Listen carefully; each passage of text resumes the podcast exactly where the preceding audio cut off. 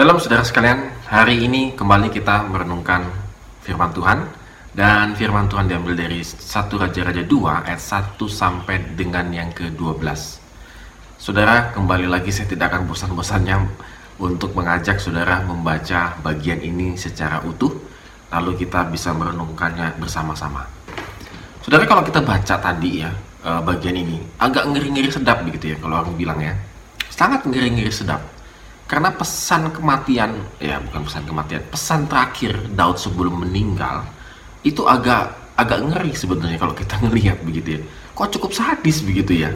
Karena pesannya maut semua begitu ya, ada maut-mautnya juga begitu. Biasanya kalau orang mau berpisah gitu ya, pesan-pesannya itu ya agak enak didengar gitu ya. Misalnya ya mohon maaf gitu ya, bagi mungkin saudara pernah merasakan hal ini ketika uh, saudara Anda, orang tua dan lain sebagainya uh, sudah tahu akan meninggal, biasanya pesan-pesannya ya pasti akan positif begitu ya, tidak negatif begitu. Karena sudah mau meninggal menghadap Tuhan. Nggak beda dengan Daud begitu ya. Ini pesannya agak-agak sadis begitu menurut saya. Nah yang pertama pesan Daud kepada Salomo karena Salomo pasti masih muda, Daud memesan kepada Salomo dengan garis besar sekali. Garisnya itu ditebelin sama Daud harus setia kepada Tuhan dan menuruti perintah Tuhan melalui Taurat kalau yang pada waktu itu. Di ayat yang ketiga sampai yang keempat.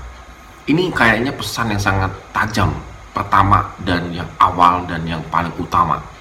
Engkau harus benar-benar mengikuti uh, kehendak Tuhan perintah Tuhan apa pun itu engkau harus mengikutinya. Jangan seperti aku yang sangat fana ini begitu ya. Artinya Daud juga ada beberapa kali tidak mengikuti perintah Tuhan. Artinya Daud mengajarkan bahwa harus setia dan mengikuti perintah Tuhan. Nah, pesan yang kedua itu tentang Yoab. Ini sangat sangat sangat ini ya, sangat sadis pesannya begitu ya. Jadi ceritanya adalah Yoab itu panglima pasukan kerajaan itu bersalah yaitu melakukan pembunuhan ganda, pembunuhan Abner yang merupakan tindakan pengkhianatan paling besar serta membunuh Amasa putra Yeter. Itu kita bisa lihat di 2 Samuel 20 ayat yang ke-10. Jadi artinya Daud pada waktu itu menuduh Yoab itu melakukan tindakan perang pada masa damai. Karena itu dia harus dihukum mati. Bahkan Daud menggambarkan Yoab itu seperti ikat pinggang dan sepatu yang berdarah di ayat yang kelima. Jadi memang ya lucu ya sudah mau meninggal pesannya si Yoab itu harus dibunuh gitu harus dihukum mati gitu. Nah ini lagi gitu ya. Kemudian Simei kalau kita masih ingat Simei begitu ya Simei itu kan mengutuki Daud ketika lagi pergi lagi keluar dari Yerusalem kabur gitu ya. Nah dikutuk-kutuki gitu ya maksud sama Simei ngeselin pada waktu itu ya si Daud itu tapi tidak dihukum oleh Daud. Nah ketika ini gitu ya artinya uh, ketika sudah mau meninggal Daud bilang kepada Salomo itu Simei juga sama harus dihukum uh, mati begitu ya.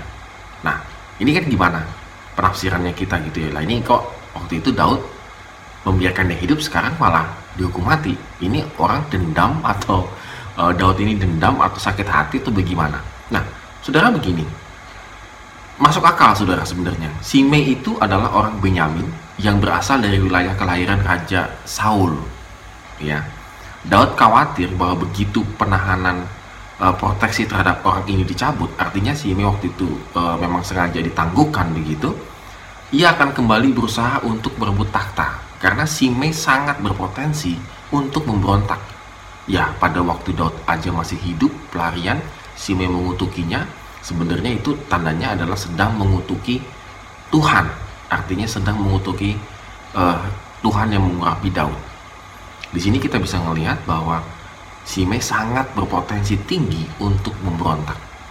Maka bukan karena Daudnya tidak mengampuni Simeinya pada waktu itu, tapi dia tahu karena Salomo ini adalah raja baru, maka bisa menimbulkan pemberontakan. Artinya saudara sekalian, sebenarnya inilah kerangkatnya yang kita harus pahami. Yoab dan Simei itu menimbulkan potensi pemberontakan sangat tinggi uh, Daud kasihan dengan Salomo yang masih sangat muda baru nggak tahu umurnya sangat muda pada waktu itu sehingga Tidak mungkin kan, dan itu paling gampang. Raja baru belum pengalaman, belum lihai dan segala macam melakukan pemberontakan terhadap raja baru itu sangat gampang. Maka dalam kerangka inilah mereka mendapatkan hukuman mati. Tetapi berbeda sekali dengan sahabatnya Daud lah gitu ya. Yaitu Barsilai. Saudara kalau masih ingat ya, Barsilai di 2 Samuel 19 ayat yang ke-31 Barsilai sangat memelihara Daud. Waktu melarikan diri nggak kayak Simei mengutukinya tapi Barsilai membantu Daud. Malah kalau bagi uh, Daud Barsilai itu ya harus diagungkan harus dipelihara dan lain sebagainya. Ada rewardsnya ada hadiahnya kepada Barsilai saudara kalau kita perhatikan teks ini satu sisi ada penghukuman satu sisi ada rewards hadiah Artinya apa? Kembali lagi sebenarnya Daud sedang mengajarkan kepada Salomo di pesan yang pertama. Kalau engkau setia ikut Tuhan, engkau mendapatkan berkat. Tetapi kalau engkau tidak setia ikut Tuhan, seperti Yoab dan Simei yang mengutuki Daud yang tidak taat kepada perintah Daud. Dengan kata lain, mereka berdua ini sedang mengutuki dan tidak taat kepada Tuhan yang mengurapi Daud maka engkau akan mendapatkan penghukuman. Jadi kira-kira hai Salomo, inilah fakta kehidupan. Kalau engkau setia, engkau akan seperti Barsilai yang akan mendapatkan berkat. Tapi kalau engkau tidak setia kepada Tuhan, engkau akan seperti Yoab dan juga Sime, di mana engkau tidak taat kepada tidak taat kepada otoritas Tuhan. Saudara, kita renungkan ya firman Tuhan hari ini. Kita ini termasuk yang mana? apakah termasuk orang setia dengan perintah Tuhan atau tidak. Dan kembali lagi saudara, pemikiran yang salah. Kita selalu berpikir begini, toh Tuhan juga nggak berbuat apa-apa kepada saya ketika saya tidak taat kepada dia. Toh Tuhan tidak memberikan saya berkat ketika saya taat kepada dia. Saudara tidak, jelas sekali dalam mas pengalaman hidupnya Daud, dia melihat hal ini. Dan itu pun berlaku atas kita. Oleh karena itu saudara sekalian, mari kita semakin taat kepada Tuhan. Kita jangan mau berkatnya doang, tetapi taatnya gak mau. Justru yang paling utama taatnya dulu. Berkatnya itu nomor 2, 3, dan 4, dan 5. Amin. Tuhan Yesus memberkati kita semua.